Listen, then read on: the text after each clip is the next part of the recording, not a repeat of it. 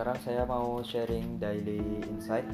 Uh, tadi tadi sore saya baca-baca sedikit artikel lalu uh, nemuin yaitu cara belajar efektif dari uh, salah satu petinggi di Zenius. Tahu Zenius kan? Yang web buat belajar itu. Nah, yang pertama itu ada 1 2 3 4 5 6 7 ada 7 tahapan itu untuk belajar yang mudah dan efektif. Yang pertama yang harus kita lakukan itu adalah membangun mentalitas uh, yang supaya jangan takut belajar dengan hal baru. Jadi pada dasarnya orang itu memiliki dua mindset. Yang pertama itu fixed mindset, yang kedua itu grow mindset. Nah, uh, fixed mindset itu contohnya gini. Ketika kita kita pasti pernah lihat uh, ada tukang jualan bakso gitu. Dari dulu dari waktu kita kecil sampai kita dewasa pasti jualnya baksonya itu, gerobaknya itu terus. Nah, tapi kalau orang yang grow mindset, kita pasti juga pernah lihat uh, pengusaha yang waktu kita kecil dia jualan bakso dalam gerobak lalu waktu kita SMP dia mungkin udah pakai motor upgrade lagi dia pakai mobil food truck dan upgrade lagi dia udah mulai pakai uh, restoran. Nah itu salah satu growth yaitu ada perkembangan. Nah uh, mentalitas yang dimaksud di sini supaya kita jangan takut belajar hal baru itu supaya apa? Kita bisa growth dan mengupgrade level kita. Jadi yang harus kita lakukan supaya belajar kita bisa efektif kita itu harus menghilangkan uh, mindset fixed mindset dan kita harus merubah mindset kita dari fixed itu menjadi growth nah salah satunya adalah uh, mungkin keluar dari zona nyaman dan harus berani dengan hal-hal baru. Nah itu salah satunya. Kebanyakan orang biasanya kalau orang rata-rata mereka itu takut akan hal baru. Makanya mereka itu selalu setiap hari itu ngelakuin hal itu terus. Contohnya contohnya nih aku aku udah punya pekerjaan yang mapan uh, kayak PNS lah misalnya ya maka aku setiap hari keseharianku ya gitu terus nggak ada pertumbuhan apa apa tapi kalau aku jadi seorang pengu tapi kalau aku coba resign aku jadi seorang entrepreneur otomatis akan banyak tantangan dan hal baru lainnya yang aku capai. Dan aku bisa menargetkan diriku itu tingginya mau selevel apa. Lalu yang kedua adalah bagaimana cara menciptakan motivasi food atau fundamental basic knowledge. Uh, maksudnya gini uh, kita ini harus bisa menciptakan setelah kita dari satu uh, bangun mentalitas yang kedua kita harus punya motivasi. Mungkin ya gini kalau kita ingin jadi seorang misalkan pelukis pelukis profesional kita anggaplah skill seorang profesional itu 200 nah sedangkan ada bayi uh, ada anak yang berusia 4 tahun dia itu punya skill melukis itu cuma 4 dan ada juga anak yang berusia 4 tahun punya skill melukis itu 8 nah lalu kedua duanya mereka itu masuk ke TK nah otomatis yang punya skill melukis 8 itu pasti akan dipuji wah kamu itu pintar gambar ya. Wah kamu ini uh, berbakat ya bertalenta ya. Tapi yang empat pasti ya nggak dipuji kan. Wah ini kamu jelek biasa aja gitu.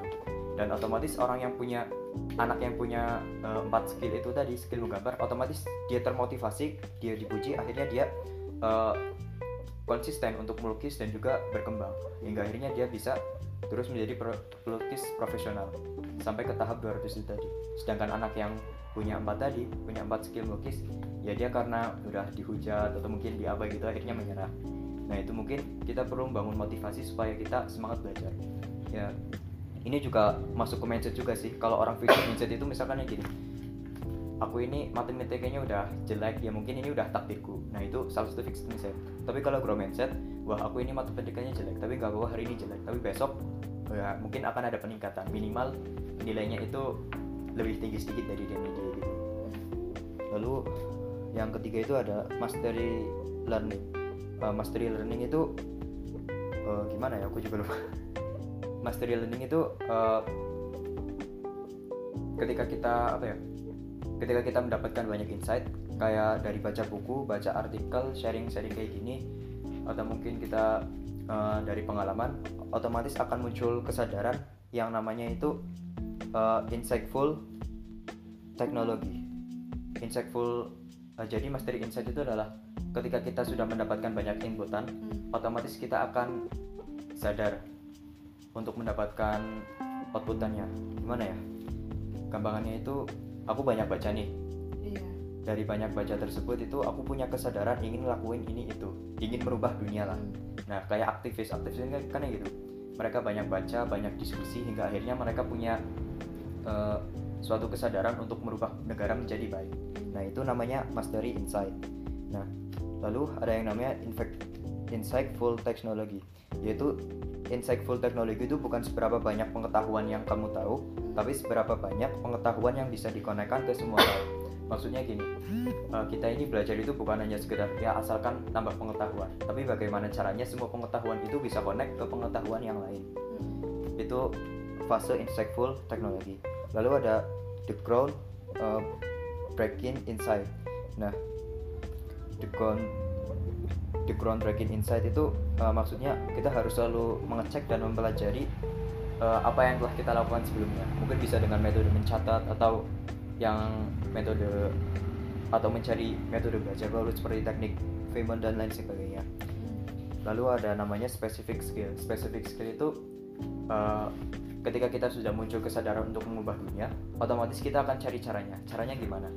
Misalkan uh, kayak Nadiem Makarim. Nadiem Makarim kan lulusan Harvard, pintar. Dia punya kesadaran untuk uh, menuntaskan kemiskinan di Indonesia dengan cara uh, mendirikan Gojek. Nah, Gojek kan salah satu platform untuk biar rakyat itu sejahtera kan. Nah, itu salah satu contohnya. Dari spesifik skill itu, bagaimana cara kita mencapai spesifik skill itu? Aku pernah baca artikel jadi orang itu akan pandai di bidangnya itu jika dia telah menghabiskan waktu selama 10.000 jam teman-teman udah berapa jam nah, aku aku tadi coba kalkulator di internet itu 10.000 jam itu cuman uh, satu tahun satu bulan terus berapa hari lah. Jadi kurang lebih teman-teman kalau ingin jadi master di bidangnya itu nggak usah M2 nggak usah S2 lah. Cukup teman-teman itu fokus sama satu bidang itu lalu teman-teman explore terus. Dalam waktu kurang lebih itu satu tahun dua bulan lah anggaplah seperti itu atau sepuluh ribu jam. Kayak contohnya Bill Gates. Bill Gates itu kan jadi miliarder emang dari kecil dia seorang kutu buku lalu dia itu mau fokus di bidang pemrograman selama sepuluh ribu jam. Dan akhirnya dia jadi orang terkaya di lalu yang terakhir itu ada deliberate practice deliberate practice itu uh, bisa dibilang seperti ini ketika orang sudah uh, wawasannya luas dan segala macam otomatis dia itu uh, akan mudah untuk apa ya bisa membedakan mana yang baik, mana yang buruk, mana berita benar, mana berita hoax. Atau mungkin bisa membaca intensitas kecerdasan seorang itu. Kayak Mas F kan dia udah bisa, aku ini tahu uh, kamu ini udah baca apa belum gitu. Hmm. Nah kalau mungkin bisa salah satu sosok yang seperti ini mungkin salah satu panutan saya itu Gus Dur, Bapak Pluralisme Indonesia. Kalau dia itu kalau apa ya baca ada orang bicara satu kalimat sama dia, dia itu otomatis sudah tahu oh orang ini kapasitas intelektualnya segini dia pasti mau bicara ini gitu nah itu mungkin dari saya saja cara belajar efektif jadi intinya bagaimanapun juga kita hidup itu harus penuh dengan belajar uh, untuk upgrade level kita ke jenjang yang lebih tinggi lagi.